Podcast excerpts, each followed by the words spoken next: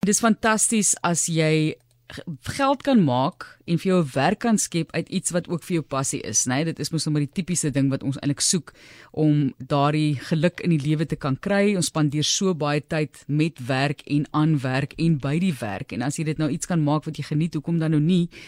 En ek het selfs gesien daar's nou 'n kookboek wat ook vrygestel is waar jy kan geld maak, so 'n bak vir plesier en vir geld. So ons gaan kyk of ons met daai persoon kan gesels om te kyk hoe jy kan geld maak. Baie moeilik om dit uit te werk of jy besig is om wins te maak, né? Nee? As jy nou gaan sit en sê ek wil koek bak vir die res van my lewe, die bestanddele is duur jou tyd moet ook in ag geneem word en baie keer spandeer mense klomp tyd en geld aan die bestanddele. Jy dink jy maak geld, maar jy maak nie regtig geld nie. So ons gaan 'n bietjie daai raad vra. Materisa Wessels het vir ons nog raad. Sy is die eienaar van Ideology Studio. Sy gesels met ons en sy was die naas wenner van 'n kunstvleit 3 kompetisie wat plaasgevind het en sy het nou daai stokperdjie in werk verander. Sy het eh, die stad verlaat en op Parys gaan vestig waar sy as virtuele assistent werk en haar sogenaamde screen printing stencil onderneming bedryf. Ons sê vir jou baie welkom. Hoe gaan dit daar op Parys vandag? Baie lekker. Baie dankie vir julle geleentheid. Ja, dis 'n heerlike dag hier in Parys. Lekker rustig. HobbyX is 'n platform wat al vir baie mense gehelp het. Vertel vir ons hoe jy betrokke geraak het. Absoluut. Ek dink in my wildste drome kon ek nooit dink dat ek enigsins gaan uitstal op HBX nie. Ehm um, maar ek dink ehm um, die die kompetisie wat ek aan deelgeneem het, het my daai hupstoot gegee om te kan sê dat ek my my my stokperdjie kan ek nou in 'n besigheid verander.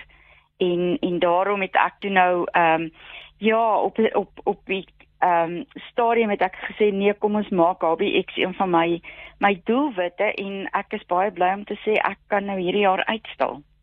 Dis fantasties. Kom ons gesels wat jy uitstel asseblief. Wat is daai stokperdjie wat jy toe in werk verander het? Weet jy, dit is 'n silk screen stencils wat ek maak. Dis 'n baie fyn materiaal en die die proses is redelik tydrowend. Dis 'n nismark op hierdie stadium um, wat baie populêr is onder kunsfluiters wat jy op tekstiel, klei, gebak, papier en so meer kan gebruik. Ehm um, wat vir jou baie fyn ontwerp gee en dit is ehm um, wat ek gaan uitstal by HBX. Die behoefte daarvoor, so wie is jou kliënte? Weet jy my kliënte is baie ehm um, pottebak bakker bakkers. Ehm um, en dan die die mense wat tekstiel doen. Ek het nou 'n paar kliënte wat ehm um, wat koekies maak, ehm um, vir troues en so voort wat dit op hulle koekies ook doen. Ehm um, so ek het ehm um, daai mense en dan natuurlik jou jou kunsfluiters, die wat werk met papier en joernale en mooi goed op meubels maak. Dit is eintlik maar my groot mark. Dis fantasties. So ontwerp jy natuurlik ook die is van 'n skets af of hoe werk dit? Ek doen ook my eie ontwerpe. Ehm um, en dan doen ek ook ehm um, versoeke as mense nou 'n spesifieke ehm um, logo het wat hulle moet doen of wil doen op ehm um, enige ehm um, miskien klei of produkte dan ontwerp ek dit ook vir hulle. Ek um, ek is gelukkig dat ek 'n program het wat um, ek mee kan ontwerp en dis heerlik. Mense kan lekker kreatief wees daarmee en lekker rondspeel.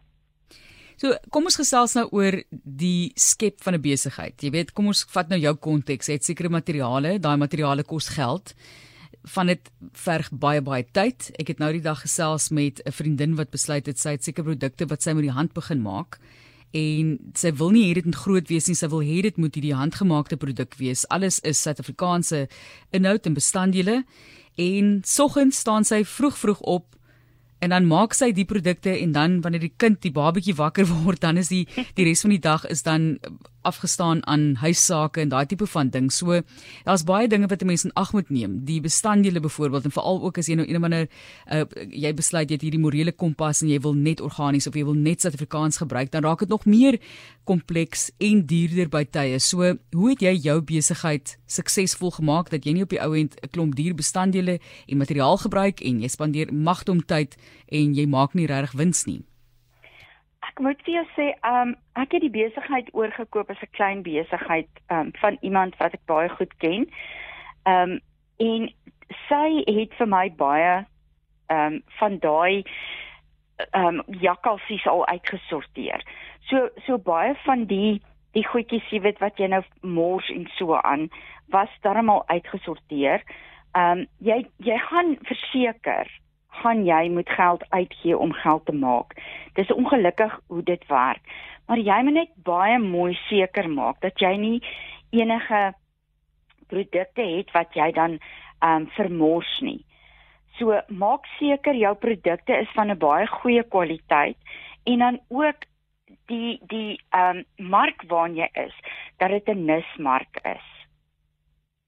Nismark, hoe vind jy uit of jy daai mark het? Jy het mos nou nie 'n klomp geld, ek weet jy moet geld uitgeef geld te maak, maar nie almal van ons het groot geld om navorsing te laat doen oor 'n produk nie. Ek ek is met jou op daai en ek dink ek het self daardeur gegaan. Maar kyk in die mark, wat is daar en wat kan jy anders doen? want daar's baie stensels byvoorbeeld in die mark wat van 'n um, 'n plastiese materiaal gemaak is. Maar kyk wat jy anders kan doen en wat jou produk anders gaan maak. Miskien het jy ander ontwerpe en jy wil dit aan die mark voorsit. Um of jy het 'n ander idee waar jy verskillende bemarkingsveldtogte kan doen. Jy's inskakel hier op RSG en dit is waaroor ons praat oor hoe daai stokperdjie verander kan word in werk en hierdie goeie raad kom van Teresa Wessels as die eienaar van Ideology Studio en sy het ook die kunstvlei 3 naas wenner posisie ingeneem. Ons sê vir daarvoor baie baie geluk die sogenaamde silk screen stencils wat sy nou al vir groothandel verkoop. Ek dink dit is ook een van die vrae laastens Teresa om toegang te kry. Dis nie net 'n geval van jy het 'n stalletjie waar jy moet gaan staan en jy hoop iemand loop verby en koop jou produk nie. Hoe kom 'n mens in by hierdie groot plekke? As jy gaan jy en jy het 'n besigheidsplan of jy gaan met jou produk en sê proe my sous, smaak dit lekker. wat wat doen 'n mens? Hoe kom jy daarin? Maar te lief dit dit was vir my nogal moeilik want ek dink as 'n uh, kunsleier het jy nou nie al daai besigheidskennis nie, maar gebruik jou kontakte, gaan uit, gaan wees aktief proaktief en kyk waar jy jou produkte kan bemark. Jy weet, ehm um, gaan na winkeltjies toe, gaan na expos toe, kontak 'n groot groep mense.